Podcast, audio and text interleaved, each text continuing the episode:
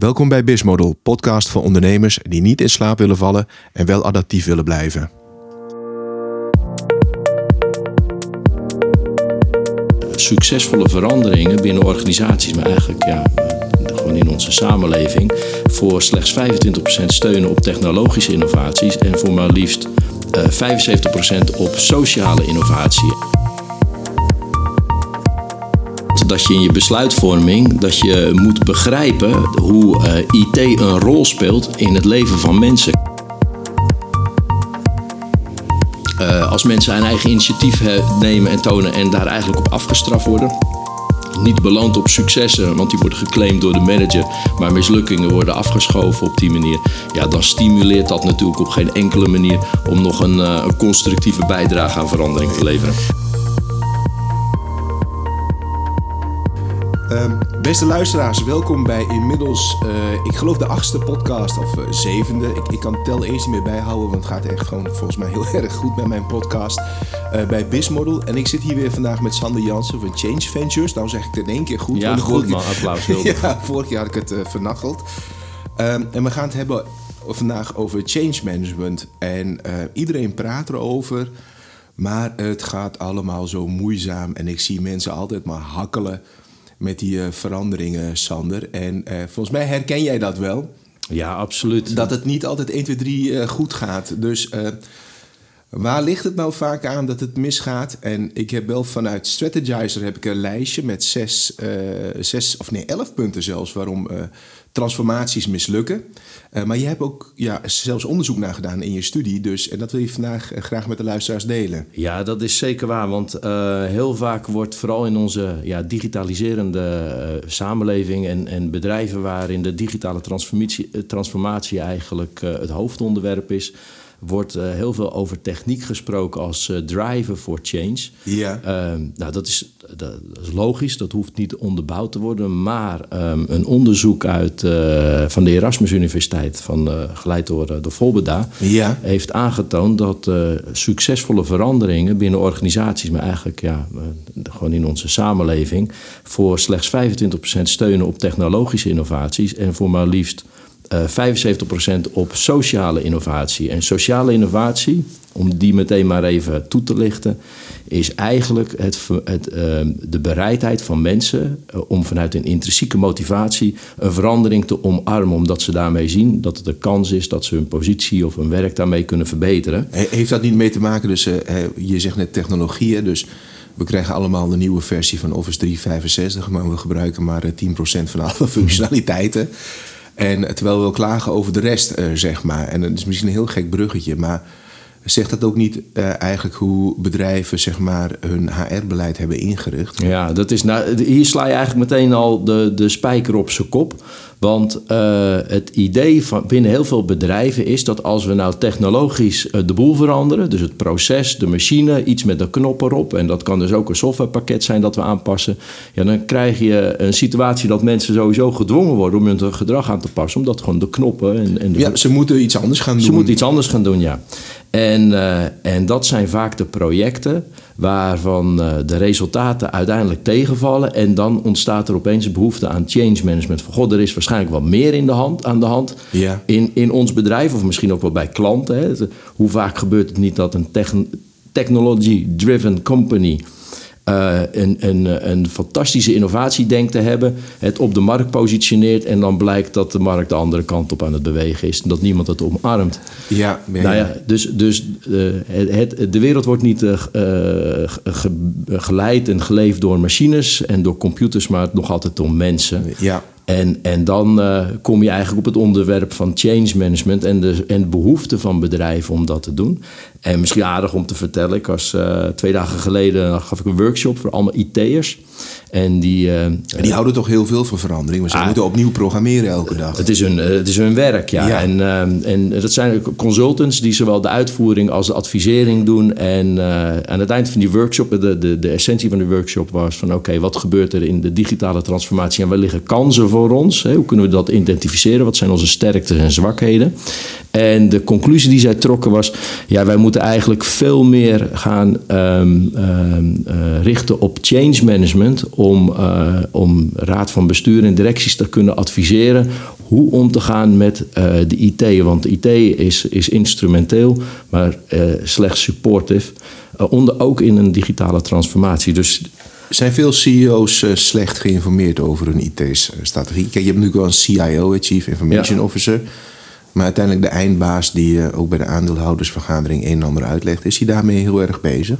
Ja, leiderschap is essentieel in dit verhaal. En uh, waar, uh, denk ik, in bedrijven die nog heel erg gestuurd worden door nou, zeg maar de industriële regels, hè, van, mm. die nog afstammen eigenlijk van, van Taylor.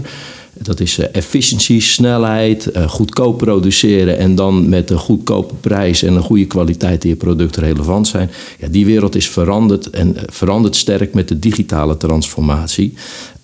Wij vroegen de boekhouders en de bedrijfseconomen als CEO's had, is het echt zaak dat, uh, dat daar dus ook een transformatie plaatsvindt. En de, de, eigenlijk moet de, de, de eindbaas, de, de beslissingsnemer, moet echt op strategisch niveau kunnen begrijpen wat uh, IT is. Kijk naar Jeff Bezos, hè, de, de rijkste man van, van de wereld. En, uh, en het, het, het, het, meest succesvolle bedrijf Amazon. Die man die heeft de IT in zijn, in zijn aderen, in zijn genen. En kijk naar Bill Gates, kijk naar ehm, Steve Jobs. Allemaal namen die iedereen kent. allemaal grote CEO's. allemaal IT'ers in hun achtergrond. Maar... Um is er veel ruimte voor een um, Steve Jobs? Of komt er een tweede Steve Jobs of een Jeff Bezos?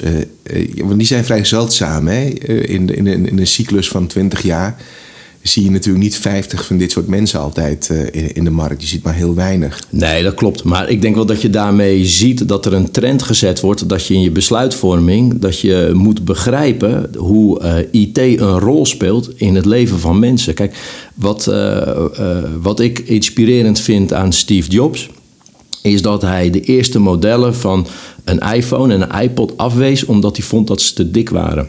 Ja. Hij vond dat ze qua usability niet goed genoeg waren voor de consumenten. Um, Pixar, waar ook hij eh, een belangrijke rol heeft gespeeld, heeft, heeft zich kunnen ontwikkelen omdat hij in staat was om de brug te slaan tussen hoe gebruikers denken over technologie en wat hij ze uh, kon bieden.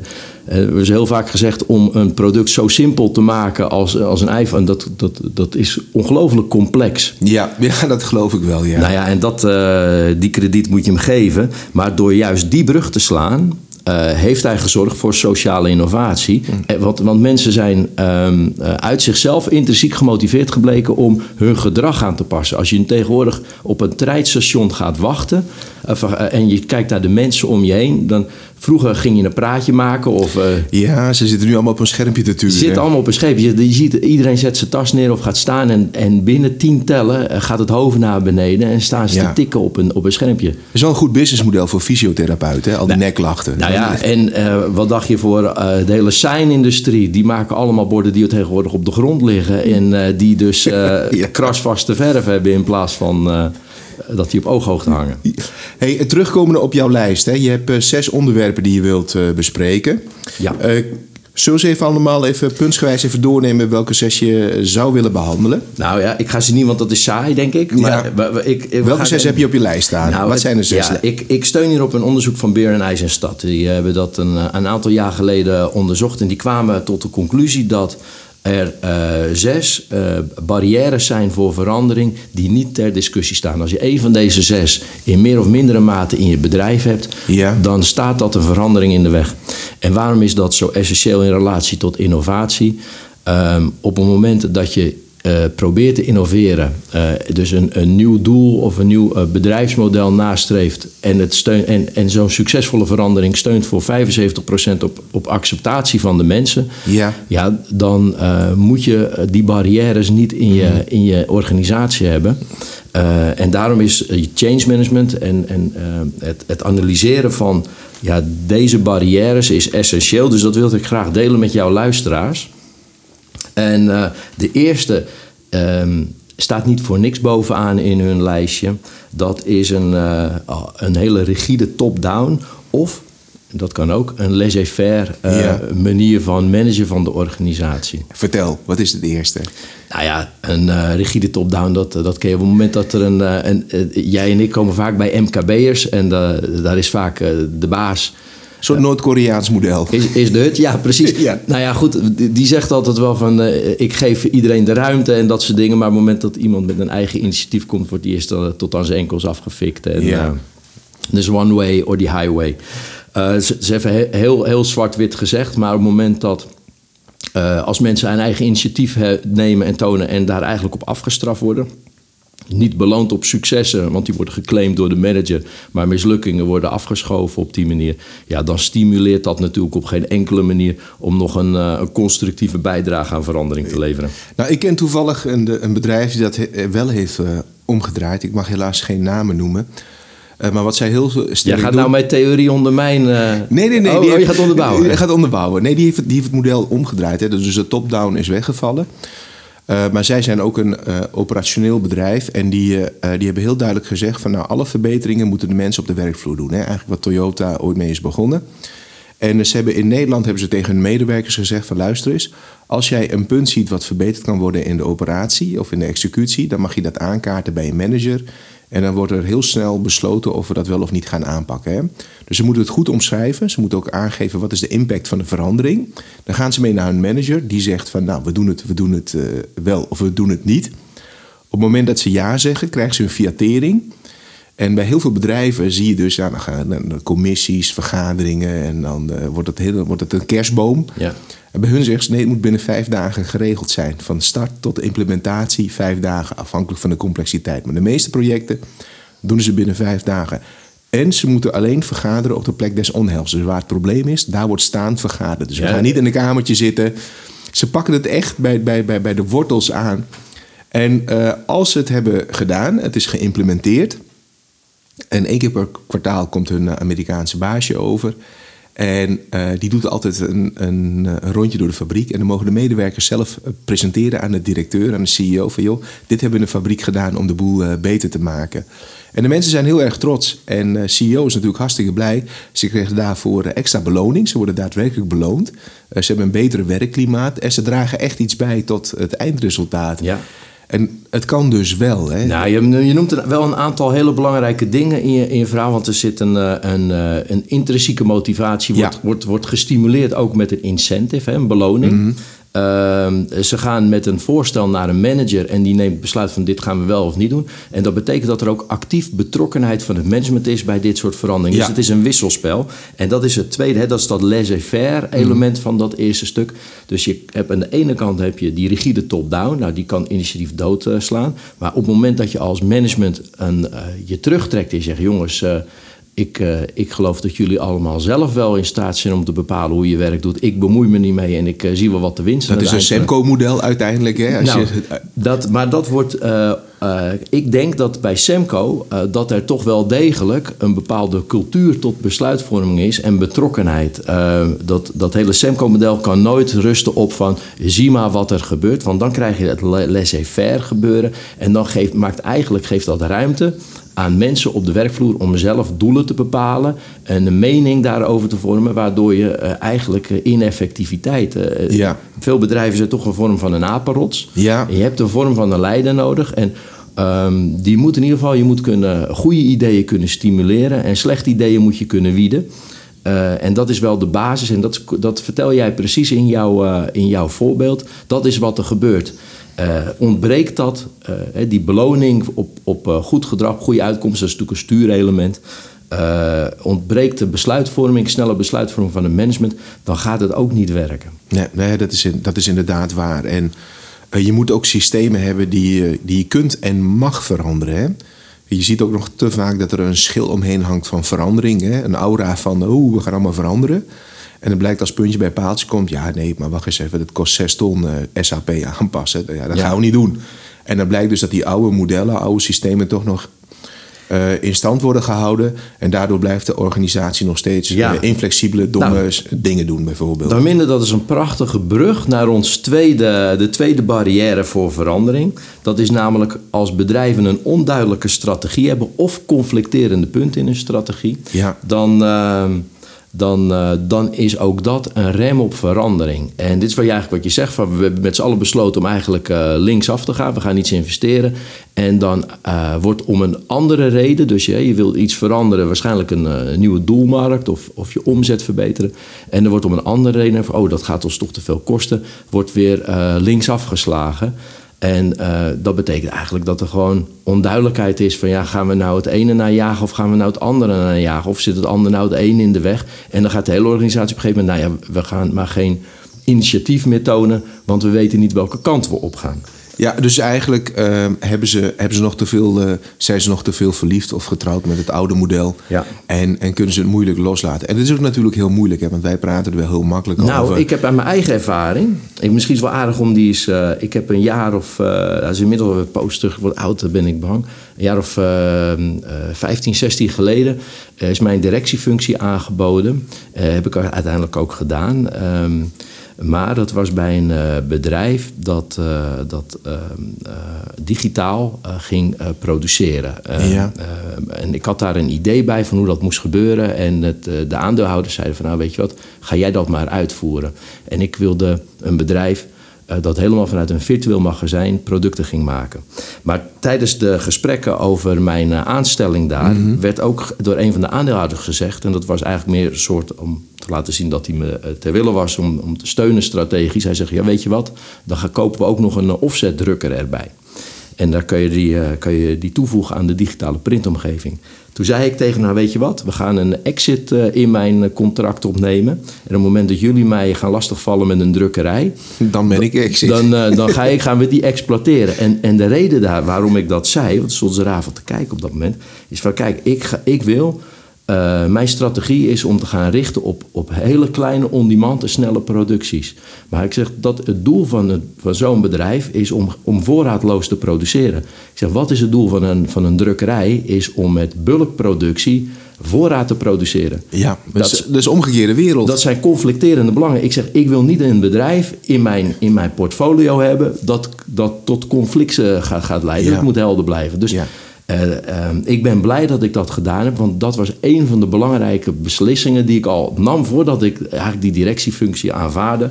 Uh, die ervoor gezorgd dat die transitie ook daadwerkelijk gelukt is. Oh, oké. Dus ja, je zegt eigenlijk van ja, je kunt niet een transitie maken als je nog twee conflicterende modellen nee, op na probeert te Op het moment dat je die identificeert en zegt hé, hey, we, streven, we, we, streven twee verschillende doelen na, dan moet je een keuze maken. Oh, oké. Hey, en eh, de, eigenlijk zie je dus dat die, de, de, de huidige of de bestaande uh, uh, businessmodel is nog te dominant en er zullen vast wel hele goede redenen zijn. Dat is natuurlijk vaak de olietanker waar nog heel veel geld mee wordt verdiend. Dat is nog de cash cow. Ja. En die, die domineert nog. En dus uh, een separatie maken. En soms loont het. Hè. Je hoort ook wel eens bedrijven die zeggen... weet je wel, die nieuwe business unit... die gaat ook echt uit het gebouw. Die krijgt ook niet een eigen vleugel. Nee, die komt echt op een andere locatie... Ja. met andere mensen, uh, eigen infrastructuur. Uh, en la, laat ze maar zelf daar eh, hun ding eh, opleveren en, eh, en maken. Heeft te maken met dit verhaal. Ja, en ik vind zelf, een, wat ik ook altijd, of wat ik gemerkt heb de laatste periode, is dat je heel vaak bedrijven ziet schermen in presentaties van nou wij zijn zo groot en we hebben patenten, we hebben duizend patenten of tienduizend hm. patenten of weet ik veel wat. Ja. En ik krijg er altijd een beetje jeuk van, want ik denk van ja, je hebt tienduizend patenten. Laat me nou eens even de tien tien business units zien die ooit uit die patenten zijn ontstaan en zijn gegroeid. Ja, nee, uh, dan, dan kunnen ze dat vaak heel moeilijk aantonen. En natuurlijk moet je creatieve mensen hebben die alles uitvinden. Maar wat, wat, wat voor zin heeft om iets uit te vinden? Wat niet zal leiden tot een nieuwe business unit dat de eerste jaar 10.000, tweede jaar 100.000, de derde jaar een miljoen en de, de vierde jaar 10 miljoen doet. Dan heb je iets uitgevonden waar de klant of de consument niet op een product of een service uh, zit te wachten. Dus er, zit gewoon heel veel waste in dat model eigenlijk.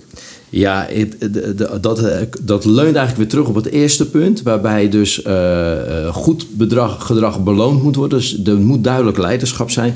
En dat is dan ook, dat is eigenlijk het zesde punt van, die, van het onderzoek van die Beer en IJzerstad, is als het leiderschapsvaardigheden ontoereikend zijn of nieuwe leiders in de organisatie worden slecht ontwikkeld.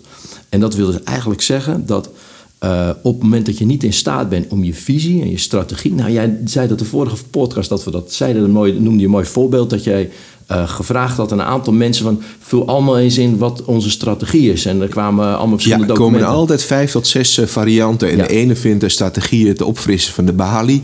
En de andere vindt strategie en er moeten nieuwe motivatieposters. En de andere vindt strategie van er moet een groene leasepark, want dat staat zo goed bij de klanten. En dan, je hebt vijf verschillende interpretaties. En begin daar maar eens Ja. allemaal dezelfde kant op te kijken. kant. Nou, dat is op het moment dat een bedrijf niet in staat is om de leiders in de organisatie eh aligned te krijgen. Van dit Ja. is waar wij voor staan, dit is de visie. En dan krijg je dus misschien dat een RD. Eh, afdeling waar heel veel geld in gaat zitten, dat het alle kanten op gaat en alleen maar patent aan het ontwikkelen is, ja, die misschien in een kluis. eh, van- en nou, bijvoorbeeld een bedrijf als Kodak had er in 2012 wel heel veel lol aan, want die hebben daarmee hun doorstart kunnen financieren. Door alle Die hebben wat patenten kunnen verkopen, verkopen ja. ja, Ja. Maar, maar voor de rest heeft dat inderdaad, die patenten hadden nul bijdrage aan hun businessmodel, waardoor ze dus eigenlijk kopje onder gingen. Ehm, en dat heeft te maken dus met ja, ontoereikend leiderschap. En eh ontoereikend leiderschap is niet alleen, eh, ja, we hadden het net over Jeff Bezos, hè. nou dat is, dat- dat- daar durf ik dat niet van te zeggen. Ehm, dus niet alleen het hebben van een visie en de middelen en de kwaliteiten om, om zo'n bedrijf eh, stap voor stap op te bouwen en te sturen. En er zijn andere mensen natuurlijk dat in Nederland hebben. Ik vind, ik vind in Nederland vind ik eh, Daniel Ropers van bol.com vind ik een, eh, een waanzinnig inspirerend eh, figuur die, die eigenlijk eh, van, van, van bol.com als nog een verlieslatend bedrijfje ergens in een container in Utrecht het, het tot onderdeel van het Aalt-concern heeft gemaakt en nu de stap naar. eh, Ja, Coolblue ook. Hè? Ja. Dat is eh, ook een briljant voorbeeld Nou, dat is natuurlijk. een voorbeeld, maar, maar ik, ik, ik, eh, ik had even over Ropers die, die die ontwikkeling heeft kunnen doen en een bedrijf zo heeft kunnen, dat, dan ontwikkel je jezelf als leider, maar geef je ook duidelijke visie aan, aan waar je naartoe gaat. Mhm. Maar dan ben je ook in staat om nieuwe leiders in je organisatie te plaatsen, want op een gegeven moment wordt een bedrijf te groot, je kan het niet allemaal alleen, Ja. Eh, je wil ook niet die, eh, die, die aap op de rot zijn. Eh, ja, dat, wil je misschien wel zijn, maar je kan, het, je kan dat niet meer eh, volmaken. En dus je moet ook nieuwe leiders in je organisatie ontwikkelen die eh, jouw strategie verder gaan, gaan exploiteren en, en ontwikkelen. Dus, dus, dat is, dus dat is het zesde, het zesde punt van de lijst, maar het derde punt wat wij nu bespreken. Maar hoe moeten nieuwe leiders dan, Sander, volgens jou zich ontwikkelen? Stel, je, bent, je luistert nu naar onze podcast en je zegt... ja, shit, ik herken, ik ken te veel punten. Hè? Ja. Nou, dan kun je twee dingen doen. Dan kun je ons inhuren bijvoorbeeld. Dus de commerciële break eh, mensen. Dus Ja. nee, maar, het andere is natuurlijk van... eh, ja, als je zo'n vraagstuk hebt als leider... ehm, eh, ik, er is een boek van Vinit Nayar. Dat is de oud-CEO van HCL Technologies. En dat heet Employee First, Customer Second. Oh, die. Had jij die op je boekenlijst van deze zomer staan? Dan? Nee, ik heb hem al gelezen. Ik, Oh, heb, ja. al, ik heb hem al vorig jaar gelezen. En, en die man, die, eh, dat vond ik nou echt leiderschap. En eh, dat is echt een heel leuk verhaaltje aan. Ik, ik vertel even de, de korte samenvatting. Hij kwam bij HCL Technologies en eh, dat werkte allemaal niet. Er was hoop gezeur, gezeik, demotivatie, nou, noem het maar op. Volgens mij een gemiddeld, gemiddeld bedrijf dat het kampen heeft met de strategievraagstukken. Weet je wel, die, die hebben dat allemaal. En hij kwam binnen en eh, toen zei hij als eh, CEO van jongens, eh, jullie kijken wel allemaal naar mij, maar het enige wat ik kan doen is beslissingen nemen op basis van jullie feedback. Dus dat ga ik vragen.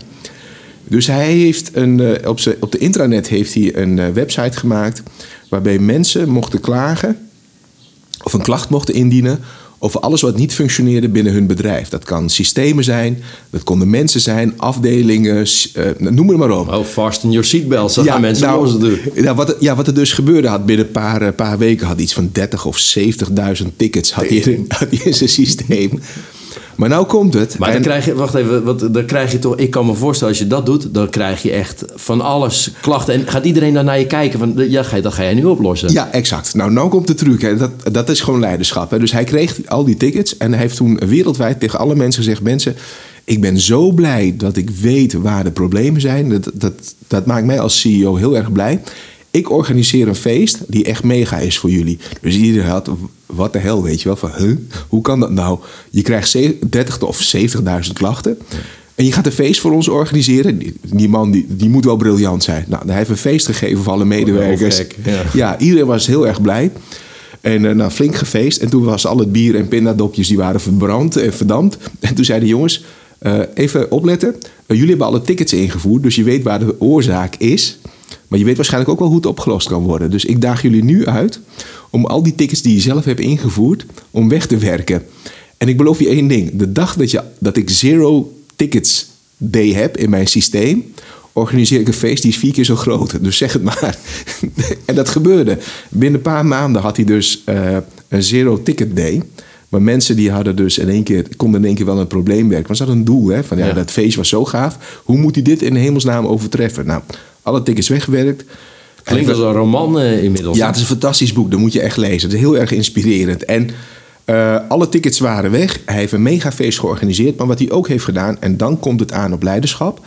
Hij heeft toen de piramide heeft hij omgedraaid. Dus hij heeft toen gezegd: iedereen die in de waardecreatie zit, en dat zijn de mensen die omgaan met klanten, ja. daar moet ik goed voor zorgen. Normaliter moet binnen een bedrijf eh, rapporteert een medewerker naar zijn manager of leidinggevende. Ja, hij heeft omgedraaid. Hij heeft het omgedraaid. Hij heeft gezegd: alle financiële afdelingen moeten rapporteren wat voor waarde ze gaan brengen naar de accountmanager of de mensen die bij de klanten zitten. Wat uh, uh, PZ gaat doen, wat het management gaat doen, wat dus iedereen moest in één keer die piramide van rapportage werd in één keer omgedraaid. Dus dan moesten in één keer mensen die rapportages vroegen van hun medewerkers, die met klanten in contact waren, moesten in één keer nu gaan rapporteren welke waarde zij konden creëren voor hun medewerkers, zodat ze die meerwaarde bij klanten konden verkopen. Ja, it separates the boys from the men. Ja, dit is wel een cultuurschok. Ja, wat, uh, wat, een, uh, wat een boeiend verhaal. Leuk boek, denk ik. Uh, ik, ga hem, ik ga hem lezen deze zomer. Ja, die is echt hartstikke leuk. Ik zou hem echt iedereen willen aanraden. En hij heeft toen een, een, een, een quote de, gebruikt. De, de, titel nog een keer opnoemen? Finit Najar. Employees first, customers second. Hij is ook volgens mij bij bol.com te koop. En, um, en hij heeft toen een quote gedaan. En die heb ik altijd onthouden. Het is uh, leaders create value en managers count value. En daar, ja, dat is bijna een lijfspreuk geworden voor mij. Als ik bij bedrijven kom, dan als iemand te vaak aan het meten is en die noemt zich leider, denk ik, nou, als je met heel dag met meten bezig bent, dat is hard nodig. Hè? Ja. Je hebt KPI's en SLA's nodig. Maar als je daar dag in dag uit mee bezig bent, dan klopt er gewoon iets structureel niet binnen een bedrijf. Wat een, uh, ja, dat, ben, ik, ben ik van overtuigd dat je daar gelijk hebt. Misschien is het wel aardig, want dit verhaal, dat, dat, uh, dat, uh, hier zijn twee dingen goed gegaan, maar hier kan ook een conflict ontstaan. Ik noem even twee barriers for change ja. die, die hier een rol spelen. De ene is slechte communicatie. Nou, dit ja, is duidelijk. Hij heeft, dus, hij heeft dus een intranet-site waarin in één keer alle klachteninformatie naar, naar, naar boven kwam. Um, daar ga ik straks wat over zeggen. Maar tweede, en daar zat natuurlijk wel, zit wel de grote valkuil in dit verhaal. Dus uh, bewonderingswaardig dat hij daar niet in gestapt is. Is een slechte coördinatie tussen functies en afdelingen. Want op het moment natuurlijk dat je tegen mensen zegt. Uh, doe eens een klacht. Dan mm -hmm. weet ik zeker dat 9 van de 10 keer mensen naar uh, andere afdelingen gaan ja, zitten wijzen. En dat komt, wat je ook vaak ziet, hè, van als je naar andere afdelingen gaat wijzen is dat uh, als afdelingen vanuit basis zijn ze supporterend opgericht. Hè? HR is een supporterende afdeling. Ja. Die moet zorgen voor ontwikkeling van de organisatie en van de medewerkers. Um, maar op het moment dat afdelingen bijvoorbeeld in uh, plaats van supporterend controlerend worden, dan zijn ze de controlemechanismen geworden. Ja.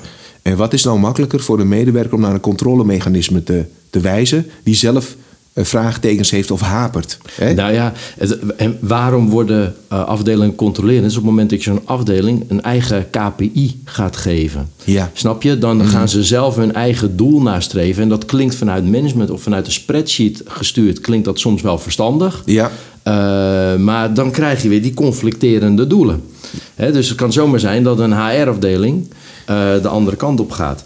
Dus uh, wat heel erg belangrijk is, is dat als je dan zegt tegen zo'n bedrijf: je hebt zelf je ticket gemaakt, ga het nu ook maar oplossen, is dat je toch een mechanisme hebt. En daar ga ik op zoek in het boek. Hoe heeft hij ervoor gezorgd dat die, al die functies en afdelingen niet vervolgens een tribal war zijn gestart met elkaar? Dus dat vervolgens daarmee alsnog. De boel is vastgelopen. Maar dat dat uiteindelijk heeft geleid tot, tot zero tickets. En de sleutel daarin moet zijn een goede communicatie. En nou heb ik een heel mooi onderzoek eens gelezen. En uh, dat probeer ik ook steeds meer als ik uh, een bedrijf analyseer over waar zijn kansen, over absorptie van kennis. Ja. Dan gebeurt dat hier wel, want daar gaat het hier ook over. Hè? Hoe, hoe, al die problemen die er zijn en alle oplossingen worden daar tickets van gemaakt, worden die inzichtelijk gemaakt en wordt dat ook gedeeld hè, op een intranet site. Um, het gaat natuurlijk niet alleen over uh, top-down communicatie, maar ook horizontaal. Weten de mensen in de ene afdeling wel wat voor problemen en welke oplossingen er ook zijn in die andere afdeling? En um, er is een onderzoek gedaan naar zogenaamde uh, N-organisaties, netwerkorganisaties, mm waarbij afdelingen in soort projectteams met elkaar samenwerken, waar juist de basis is dat die projectteams zijn zo geformuleerd dat er een, een horizontale communicatie plaatsvindt tussen de verschillende afdelingen, waardoor er ook heel gericht op kennis gestuurd wordt. Dus uh, dat soort uh, toepassingen, dus communicatie moet ervoor zorgen dat je dat probleem van die uh, slechte coördinatie niet, niet krijgt. Nou, en dan kom je eigenlijk nog, hebben we nog één punt niet benoemd. Ja. En dat is inefficiënt managementteam. Ja, dat, uh, nee, dat, ah, dat, ja, dat, is, dat is wel het belangrijkste. Ja, nee, we hebben, dit, dit zijn allemaal belangrijke Maar je hebt natuurlijk uiteindelijk op tactisch niveau heb je het kader dat, dat tussen al die strategie en al die coördinatie op de werkvloer, we moeten zeggen dat, dat, dat het wel allemaal efficiënt en goed gecoördineerd wordt. Op dit moment, hoe, hoe groot je een organisatie ook, er zit altijd wel iemand tussen die op tactisch niveau uh, een rol speelt. En dat moet, daar, moet een bepaalde efficiënte manier van samenwerking zijn. Want anders vertraagt dat besluitvorming, dat destimuleert. Want hoe, nou, hoe vaak heb jij niet meegemaakt, ook door minder je praktijk, dat je ergens een vraag neerlegt. Nou, je noemde het zelf in je eerste voorbeeld. En dat je vervolgens maanden moet wachten op een antwoord. Ja, dat gebeurt nog altijd uh, te vaak. En wat je, wat je ook hierin ziet, hè, dat um, uh, een goed managementteam is cruciaal om transformatie en die verandering teweeg te brengen. Maar nog wat belangrijker is, is dat, dat je absoluut vanuit moet gaan dat de kennis die je nu hebt, kan over een jaar verouderd zijn. Ik heb vroeger dingen op school geleerd. Ja. Ik heb vaardigheden vroeger geleerd. heb je nog nooit wat mee gedaan, denk ik? Heb ik nooit wat mee gedaan. Ja. Het is een half. Het is, bij mij zijn echt gewoon, denk ik, heel wat vaardigheden weggevallen of totaal overbodig geraakt. En als ik mijzelf niet nieuwe vaardigheden had aangeleerd, dan had ik niet op het punt gestaan waar ik nu sta. Ja, en je, en dat is, je doet en dat, mee in die verandering en in het leren of je valt af. Ja, en, en, en, en voor een managementteam geldt dat ook. Hè. Kijk, het is heel makkelijk vanuit de comfortzone altijd maar te blijven aansturen en je resultaten uh, te leveren. Maar, uh, en, en verandering gaat ook niet altijd even hard, weet je wel. Een, een shawarma-zaak die zal niet... Uh, over vijf jaar verdwijnen uit het Nederlandse straatbeeld. Maar er zijn natuurlijk wel heel veel industrieën die wel uh, last van gaan krijgen van bepaalde uh, veranderingen. En dat betekent dus dat je wel uh, open moet staan of dat je op zoek moet gaan. En zeker als een MKB of een MKB Plus of groter bedrijf, dat je als management jezelf continu moet spiegelen uh, wie je bent en wat je bent en uh, wat je kennis is. Wat ja, is je parate kennis? Dat, dat, uh, als je dat in de frequentie van eens per jaar doet op de hei, dan is het te weinig en te langzaam. Ja, dat is gewoon te langzaam. als afsluiter, dus een, een heel mooi spreekwoord van Dave Gray. Hè, die, die, die heeft de Culture Map ontwikkeld. En die zegt, eigenlijk is je bedrijfscultuur de iOS van je eigen organisatie, de operating system. Ja, zo is het precies. Ja, en als dat te vaak hapert, dan moet je updaten. En dan kan het best zijn dat je componenten weg moet halen en nieuwe componenten moet uh, toepassen. Um, als je toch op zoek gaat op internet, kijk eens op Dave Gray en uh, naar de Culture Map. Hè. De Culture Map is een waanzinnig goed tool om uh, cultuur heel snel in kaart te brengen. Het, het, ziet eruit als een. Of het, het is heel, uh, het zijn drie blokken. Je hebt dus enablers en de blokkers. En van de enablers en blokkers krijg je namelijk een behavior, een gedrag.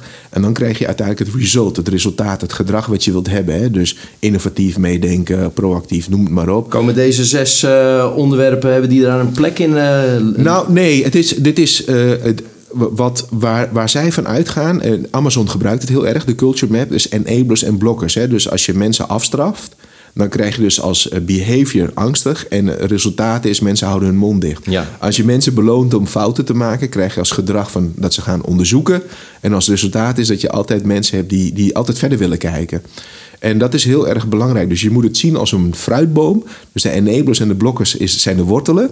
Het behavior is het stam. En de result is, is uiteindelijk de kroon waar de fruit aan groeit. En als de wortelen niet kloppen, dan ga je nooit appeltjes of peertjes laten groeien aan je boom. En ik denk dat dat een hele mooie afsluiter is voor, uh, voor, uh, voor deze podcast. Zeker, en daarmee zie je dus dat zelfs dat soort grote bedrijven uh, cultuur en, en sociale innovatie, dat dat essentieel is om zo succesvol te worden zoals ze zijn. Dus ik denk dat het een mooie afsluiter is. Ja. Heb je zelf nog prangende vragen? Dat hebben we de vorige keer ook al gezegd. Je kunt, je kunt ons altijd via internet uh, en of via e-mail of uh, social media uh, bereiken. We zijn uiteraard bereid om je prangende vragen te beantwoorden in een separate podcast. En ik hoop jullie weer te spreken of dat jullie naar mij luisteren of naar ons luisteren in de volgende podcast-uitzending. Dankjewel voor het luisteren en tot de volgende keer.